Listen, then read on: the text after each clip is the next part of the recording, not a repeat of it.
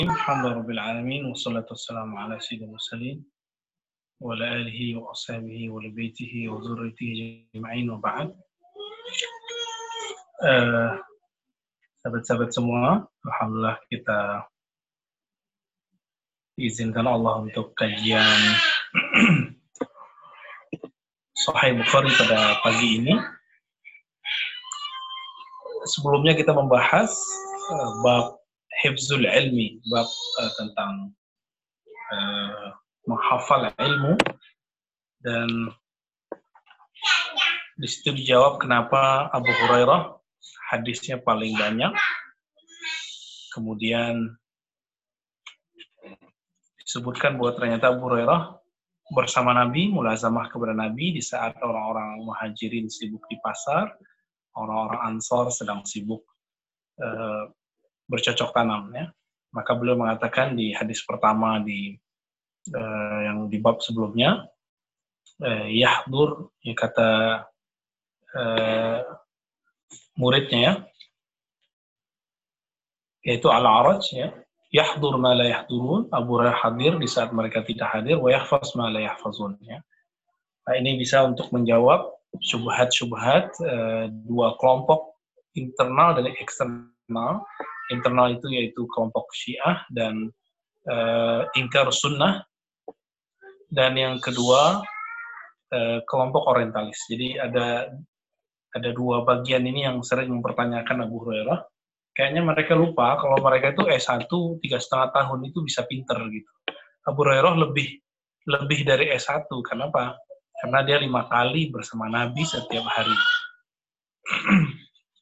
Kemudian eh, ada satu eh, hal yaitu doa bir rumus. Kita sudah bahas sebelumnya bahwa Rasulullah itu mewariskan salah satu cara doa yang yang tidak lazim bagi kalangan ahli fikih.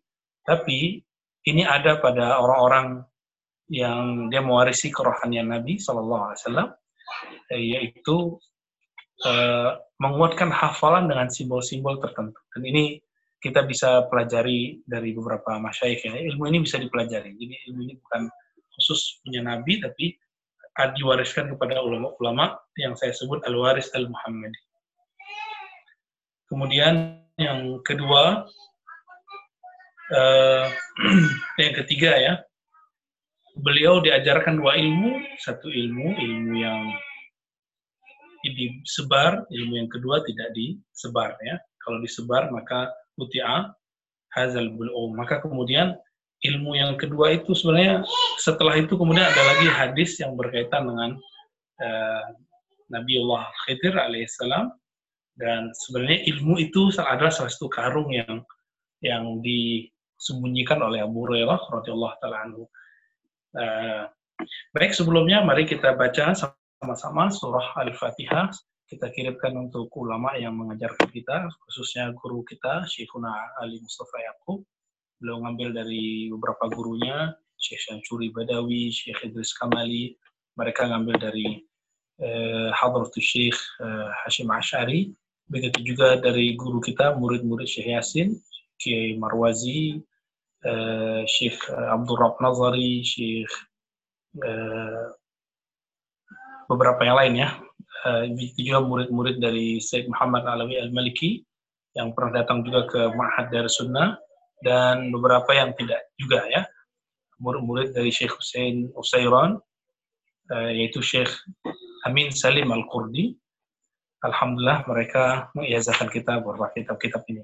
Dan yang pertama mengijazahkan Syekh Bukhari bukan mereka tapi Syekh Khaja Muhammad Syarif mumtahin atau munaqish doktorah utruhah doktorah Syekhna Ali Mustafa Yaakob. Di tahun 2007 saya ingat saya atau 2006 ya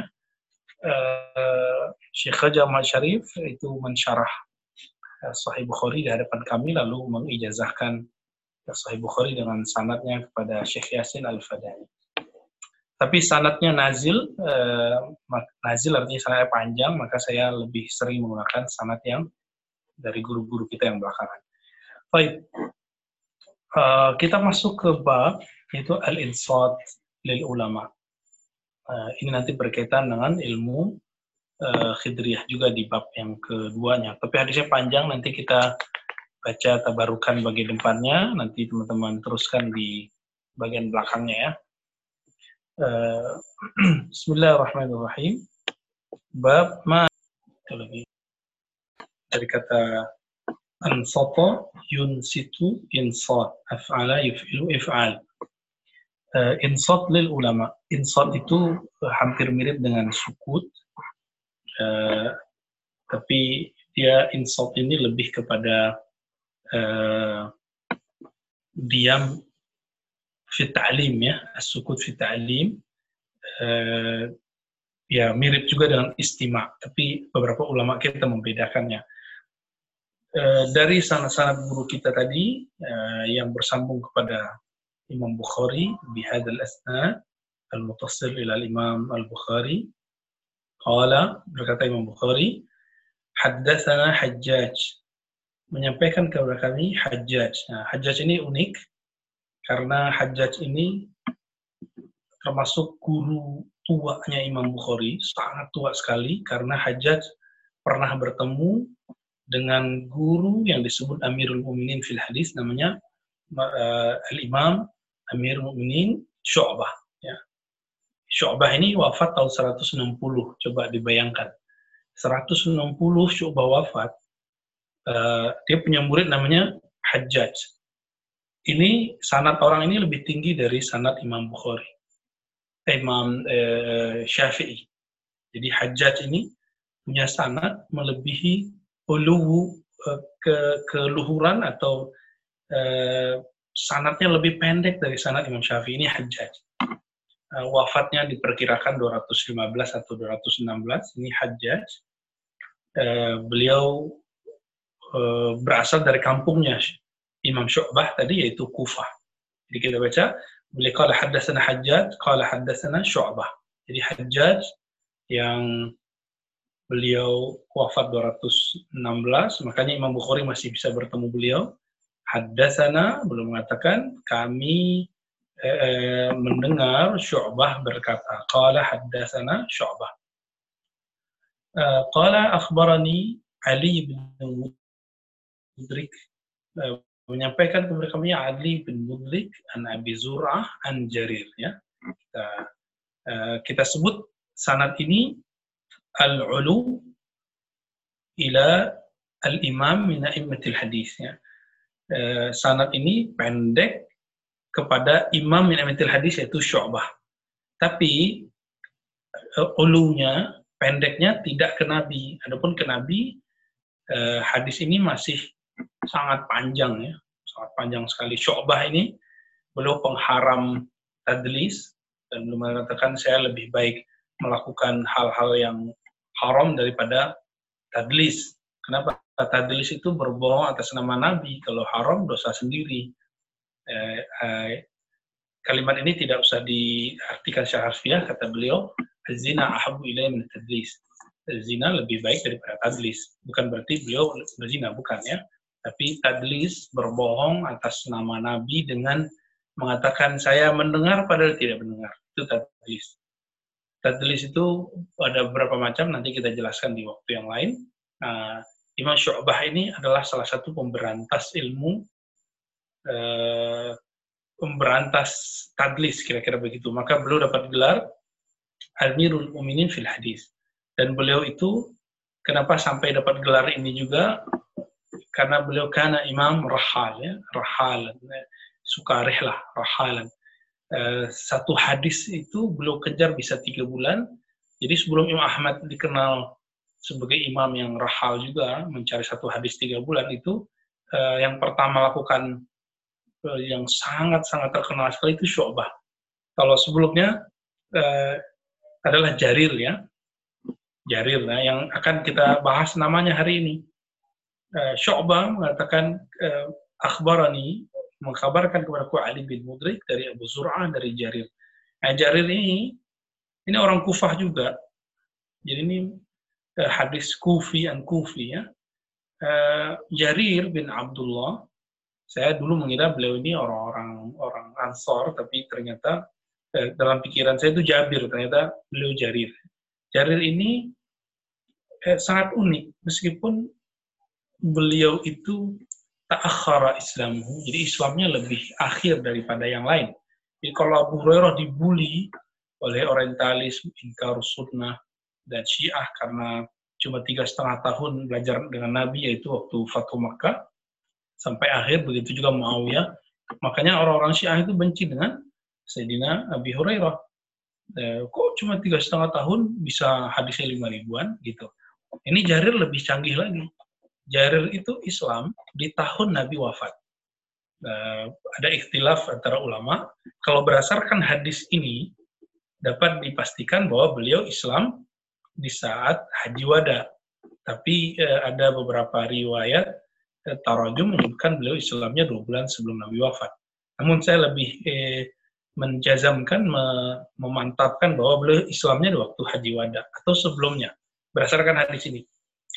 An Jarir dari Jarir an Nabi sallallahu alaihi wasallam bahwa Nabi sallallahu alaihi wasallam qala lahu berkata kepada beliau kepada Jarir radhiyallahu taala anhu fi hajjatil wada pada saat haji wada. Nah, ini jelas sekali. Jadi seakan-akan Imam Bukhari ingin uh, mengkritisi pendapat sebelumnya, belum berbeda dengan pendapat ahli sejarah sebelumnya yang mengatakan Jarir Islam dua bulan sebelum wafat. Uh, tapi dua bulan itu kan kapan gitu ya? Uh, seharusnya kan Muharram, nggak mungkin. Ini Nabi Haji Wada mau udah ngomong sama Jarir. Uh, berarti ya mungkin setengah tahun sebelum Nabi wafat. Wallahu taala alam. Apa kata Nabi kepada beliau? Istan nas. Uh, kamu mintalah orang-orang agar diam itu kalau bahasa tegasnya, kamu perintahkan agar semua orang diam. Jadi dalam haji itu seorang imam itu perlu uh, ada khutbah, khutbah pada haji wada, baik itu di di beberapa tempat, terutama di Padang Arafah ya. Uh, maka beliau melakukan itu. Nah, inilah dalil ulama ahli fikih sekarang menganjurkan setiap sebelum Jumatan Eh, pengurus mengatakan mari uh, nonaktifkan handphone, jangan bicara. Tapi beberapa tempat tidak paham itu. Mereka bacakan hadisnya dalam bahasa Arab, tapi tidak menjelaskan maknanya. Akhirnya masih banyak yang main handphone. Ya. Uh, misalnya riwayat seperti dibaca dalam beberapa masjid di masjid, Ruya an Nabi Hurairah radhiyallahu ta'ala anhu dari Nabi sallallahu alaihi bla bla sampai akhir ya lawa lawa ila akhirnya gitu ya. Tapi tidak ada satupun yang paham. Maka yang afdalnya hadis itu dibaca, lalu dimaknai, lalu ada himbauan. Jadi kepada kalau ada teman-teman sahabat-sahabat ini yang pengurus masjid, eh, maka eh, coba lakukan ini. Bacakan hadis itu, an Nabi Ruya, Nabi Hurairah radhiyallahu taala bla bla sampai akhir, lalu di, dimaknai dia bacakan artinya, bacakan saja, nggak usah ceramah, karena yang akan khutbah ada khotibnya. Lalu yang terakhir diimbau. Nah, gitu yang tepat. Supaya lebih sakral. Berdasarkan hadis ini, maka membacakan hadis eh, eh, agar uskut atau situ ya atau eh, kalimat-kalimat yang sejenis lah baik dalam bahasa Indonesia atau bahasa Arab itu sunnah jadi tidaklah bid'ah seperti dikira oleh beberapa kawan yang tidak mengerti hadis ini. nah, kami pertegas lagi, jadi himbauan pengurus untuk me mendiamkan jamaah ini bagian dari sunnah Nabi Shallallahu Alaihi Wasallam. Faqala la tarji'u ba'di kuffara. Di dalam khutbah di, dipetik oleh Jarir salah satu isi khutbahnya. Khutbahnya panjang, tapi ini yang paling banyak diambil oleh Jarir. Apa kata Nabi SAW? La tarju'u ba'di kufara. Nah, ini seakan-akan Jarir ini mengerti Nabi ini setelah setelah ngomong begini insya akan wafat. Maka hadis ini dipakai. La tarji'u ba'di kufara. Seakan-akan Nabi ini mau meninggalkan uh, umatnya. Lalu beliau ngomong begini. Janganlah kamu kembali kepada kekufuran menjadi orang-orang kafir ba'di setelah aku. Maksud setelah aku ba'da wafati. Jadi Nabi itu telah mengabarkan kewafatannya itu di saat haji wada. Ini dia. Ya. Di hadis yang lain, la'alli la arja ya, seakan mungkin aku tidak akan kembali lagi uh, pada tahun depan untuk haji gitu ya yadribu ba'dukum riqaba ba'd salah satu bentuk kekufuran adalah uh, yadribu ba'dukum riqaba ba'd kalau secara harfiah sebagian kamu memukul uh, punggung atau leher yang lain uh, maksudnya adalah kamu berperang gitu. saling membunuh-bunuh seperti jahiliyah. Nah, ini tidak termasuk kepada konflik-konflik sahabat. Di masa Rasulullah itu sahabat-sahabat pernah konflik, tapi tidak sampai saling membunuh. Ya, membunuhnya membunuh secara jahiliyah, bukan membunuh secara hakul Islam. Hakul Islam itu eh, bisa karena khisos, bisa karena faktor apa yang Nabi sebut, "Idza buya al-imamani faliqatil awal akhar." kalau di bayat dua imam, maka yang pertama boleh menyerang yang kedua. Nah, itu sudah beda lagi. Oke, okay.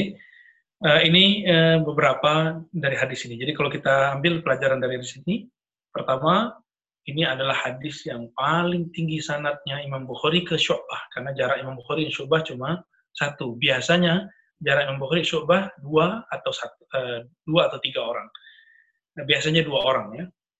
Yang kedua, uh, dianjurkan untuk uh, istinsat kenas qabla khutbah fi ayi khutbah ya. Mengajak orang untuk diam pada uh, sebelum saat sebelum khutbah uh, baik uh, apa baik dalam bahasa Arab ataupun dalam bahasa Indonesia ataupun bahasa lokal kita masing-masing. Kalau orang Sunda bahasa Sunda, orang Jawa bahasa Jawa. Yang berikut uh, tentang akhbar keislaman Jarir. Jadi banyak ikhtilaf teori-teori sejarah, data-data sejarah tentang keislaman Jarir yang sahih. Jarir ini Islamnya uh, sebelum Nabi yaitu sebelum beliau wafat yaitu uh, di haji wada ya. Dan disebutkan dalam beberapa kitab tarajum dalam kitab uh, Syiar Ibnu Bala misalnya Jarir ini karena dia pemimpin ketika datang Nabi pakaikan kepadanya rida. Nah, orang Arab itu di masa itu kalau dikasih rida seperti kita kayak wisuda diberikan tanda uh, kalau di sunnah dikasihkan rida, kalau di kampus mungkin dipindahkan tali tali kepala tutup topinya itu ya. Nah, kira-kira seperti itu. Jarir ini sangat dihormati Rasulullah dan dia diberkahi karena itu akhirnya Jarir ini jadi pemburu sunnah Nabi dan mengejar hadis ke mana pun dia dengar. Ya. Kita menyebutkan beberapa riwayat misalnya beliau mencari hadis dari Medina ya dari Kufah kampungnya ke Medina lalu ke Mesir eh, cuma ingin mendapatkan satu dua tiga hadis ya. Ketemu Abdullah bin eh, Unais kemudian ada sahabat-sahabat yang lain. Inilah Jarir penyelamatnya. Maka Jarir eh, sigar sahaba lakinnahu kabir ya, kabiruhum dia sigar tapi dia sangat dihormati Nabi sallallahu alaihi wasallam Hadis yang berikut, hadis ini uh, tentang cerita Nabi uh, Khadir alaihissalam dan Nabi Musa. Ini sudah pernah kita bahas di Pekanbaru, termasuk di rumah saya juga pernah ya. Uh, di kalau di online ini mungkin sebagian belum pernah ikut. Uh, kita baca beberapa aja, nanti kita potong. Uh, ini tidak masalah ya untuk menghemat waktu. Nanti kita ambil kulu-kulunya yang yang yang penting. Bismillahirrahmanirrahim. Bab ma yustahabbu lil alim idza su'ila ayyun nasi a'lam fayakilul ilma ila Allah. Bab mengenai eh, apa yang dianjurkan jika seorang ditanya mengenai siapakah yang lebih alim. Jadi kalau kita ditanya, menurut kamu orang yang lebih alim siapa? Kalau Nabi Musa kan dulu jawab, ana, aku lebih alim. Ilallah. Nah, tapi kata Imam Bukhari dianjurkan fayakilul ilma ilallah dianjurkan dia mengatakan uh, menyerahkan bahwa ilmu hanya milik Allah. Yang paling alim hanya Allah. Teman-teman semua, selevel Nabi Musa itu diuji dengan dengan rasa lebih tahu. Dan berarti normal toh, ya. Kalau ada orang merasa tahu, sekelas Nabi pun bisa kena. Dan ini bukan dosa pada haknya Rasul. Uh, ini justru ibroh bagi seorang Rasul karena Rasulullah itu kekasih Allah. Kekasih itu kalau salah, maka sang kekasihnya tidak menganggap itu dosa. ya salahnya pun menjadi ibrah ya dalam syariat. Nah, kemudian di sini ya silakan nanti di, dilihat kajian yang di Pekanbaru ya yang sudah di record oleh kawan-kawan BPR. Nanti tanya situ ada beberapa kawan-kawan ya, mungkin ada yang ikut hari ini. Uh, kita baca sanatnya lalu kita ringkas hadisnya. Wabila qala haddatsana Abdullah ibnu Muhammad qala haddatsana Sufyan qala haddatsana Am qala akhbarani Sa'id ibn Jubair qala qultu li Ibn Abbas radhiyallahu taala anhuma inna Naufan sesungguhnya Naufan uh, Al-Bikali Naufan Al-Bikali ini uh, dia sebenarnya ahli kitab ya uh, yaz'am yaz'umu anna Musa laisa bi Musa bani Israel dia mengatakan bahwa si Musa itu yang ada cerita itu itu bukan si Musa Wardi ya. eh, Musa itu bukan Musa Bani Israel, tapi Musa yang lain. Nah, itu kata si Nofan Al-Bikali. Lalu dibantah oleh eh, Sayyidina Ibn Abbas, Kazaba berbohong musuh Allah. Barangkali saat itu dia mengira Naufan ini pura-pura masuk Islam atau di riwayat lain ini eh, bantahan terhadap kabar yang diperoleh oleh Nova e Al-Bikali. Karena Nova ini sudah masuk Islam ya. Uh, dia berguru kepada Ka'ab al-Ahbar yang juga Khadrami min ahli kitab. Tapi di kalangan anti-Israeliyat, riwayat-riwayat Nova Al-Bikali dan uh, Ka'ab al-Ahbar itu dianggap uh, riwayat-riwayat bermasalah. Meskipun Nabi telah memberikan patronnya bahwa uh, tidak semua beriwayat Bani Israel itu harus ditolak. Ini la tukadzibu wa la tusaddiqu. Jangan langsung ditolak, jangan langsung diterima. Bisa benar, bisa tidak. Jadi kalau baca Bible begitu ya. Bible itu sebenarnya ya Israeliat, Bible yang khususnya perjanjian lama ya. Jadi teman-teman sebenarnya nggak masalah baca itu, tapi jangan langsung terima juga jangan langsung tolak. nah, di sini disebutkan uh, ada sana, jadi Ibnu Abbas di saat berdebat begitu, kemudian ketemu dengan Ubay bin Ka'ab. Ubay bin Ka'ab ini diperkirakan wafatnya sama dengan Ibnu Mas'ud, yaitu tahun 33 Hijriah. Wallahu ta'ala alam, ada yang mengatakan sebelumnya, ini Nabi SAW. Eh, kata Ubay, Qala qamar nabiyyu, qama Musa an-nabi sallallahu alaihi. Jadi versi lafaznya Ubay, karena Ubay ini pewaris Quran dari Nabi, maka eh, dia dapat sir yang banyak dari Nabi, salah satu rahasia yang dia dapat dari Nabi adalah cerita Nabi Musa dan dia menyebut Qama Musa Nabiyu sallallahu alaihi wasallam. Berkata Musa yang nabi, bukan Musa yang Musa selain nabi.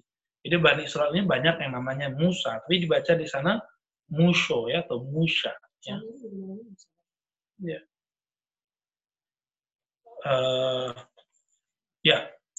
Khatiban fi Bani Israel uh, sebagai khatib pada Bani Israel fasuila ayyuna sa'ala dia ditanya siapakah uh, manusia yang lebih alim? Kalau anak alam. Lalu beliau menjawab, aku yang lebih alim.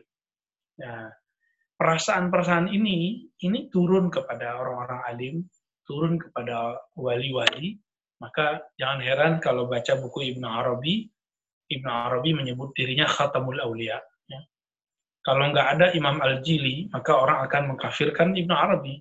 Al-Jili kemudian mengatakan, kalimat khatamul awliya seakan-akan tidak ada lagi wali setelah itu. Itu dijelaskan oleh Ajili mengatakan bukan. Khatamul awliya itu adalah makom yang dia dapat tidak dilewati oleh oleh orang lain. Itu yang disebut khatam. Allah alam. Begitu juga Nabi Musa. Namun karena Nabi yang ber, berkata langsung ditegur oleh Allah Taala. Uh, sedangkan Ibnu Arabi yang ditegur bukan beliau, yang ditegur nanti muridnya, yaitu Sadruddin Al-Qunawi, uh, anak tiri beliau yang jadi muridnya. Jadi uh, ini punya ibu, uh, meninggal ayahnya, menikah dengan Ibn Arabi. Sadruddin Al-Qunawi ketika ke Mesir, bertemu dengan murid-murid dari uh, Imam Syazili, ngomong kewalian, khatamul awliya, maka langsung dipotong oleh murid Imam uh, Abdul Hasan Syazili. Apa kata beliau? Mana kutub fi zaman?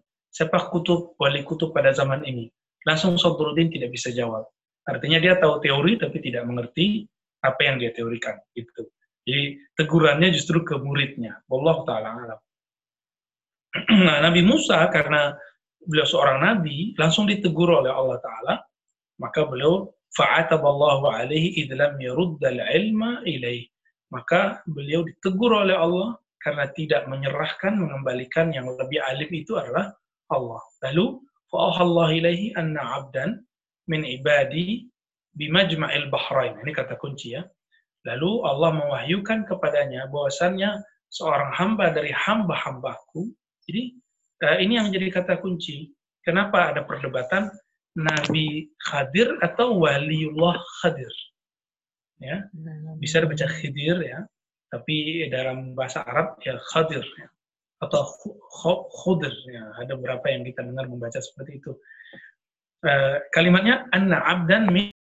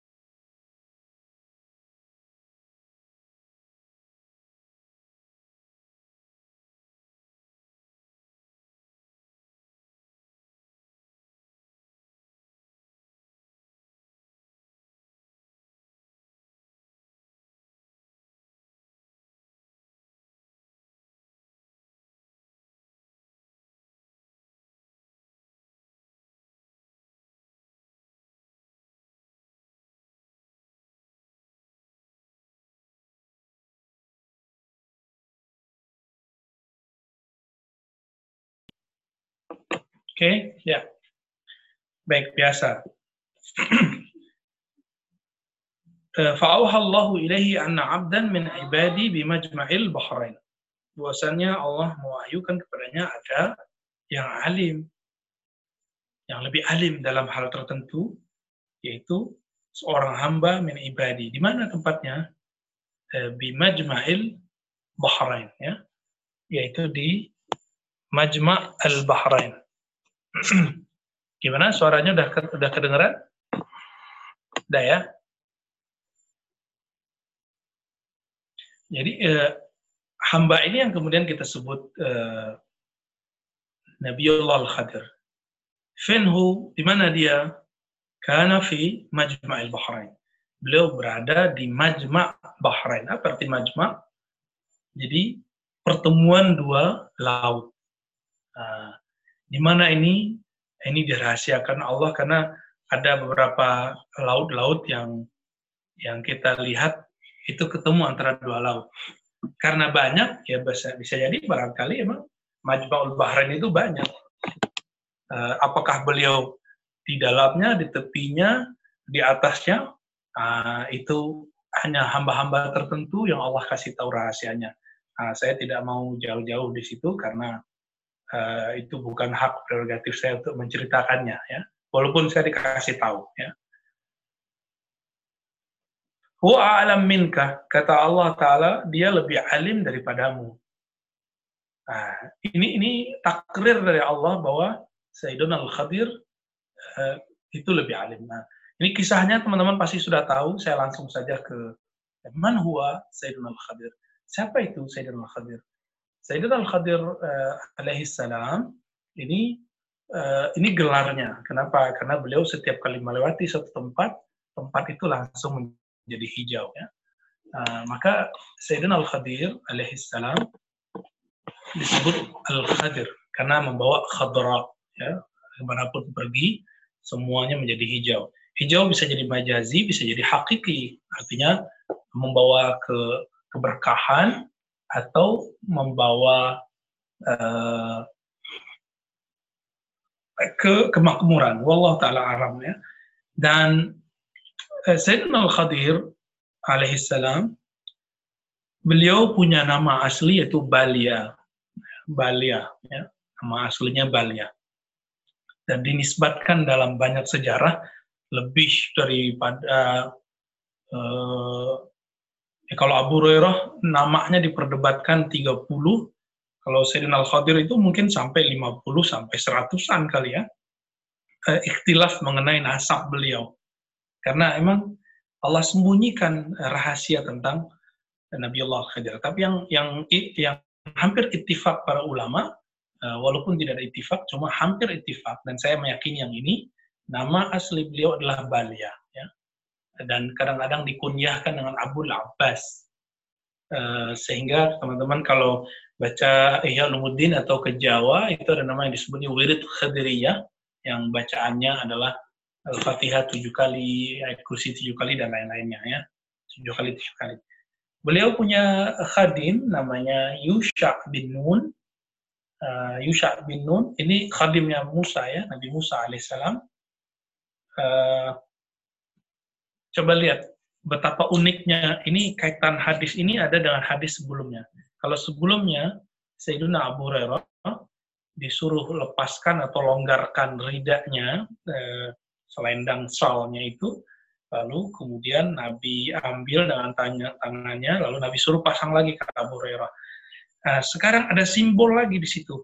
Kata Allah kepada Sayyidina Nabi Musa, ihmil hutan fi miktal. Jadi di baris berikutnya, bacalah hut, eh bawalah hut. Hut itu uh, bu, apa, ikan dalam satu bejana, faidah faqat tahu fahuwa. Ah, gitu. Di riwayat lain, fasammahu kalau kamu kehilangan ikan itu, maka ketahuilah di mana ikan itu hilang, Nabi Khadir nanti ketemu di situ. Nah ini ini salah satu simbol. Tidak hanya ini tanda-tandanya. Jadi untuk menemukan Nabi Khadir itu seorang Nabi Musa itu bisa salah. Salahnya ini bukan salah seperti salah dosa. Salahnya itu artinya kok kelupaan gitu. Maka di riwayat setelahnya disebutkan eh, Nabi Musa jalan. Jadi kalau mau nyari Nabi Khadir itu untuk awal-awal di sini, nyarinya di tepi pantai. Terus sudah lewat, lalu beliau istirahat, istirahat dengan Yusha bin Nun, khadimnya Nabi Musa. Sesampai di eh, setempat itu istirahat, setelah istirahat beliau jalan. Beliau jalan jauh, tahu-tahu Nabi Musa nanya, Wahai Yusha bin Nun, mana eh, ikan yang tadi? Jadi dia masih bawa Eh, bejananya, tapi dia tidak tahu di dalamnya ada ikan atau tidak.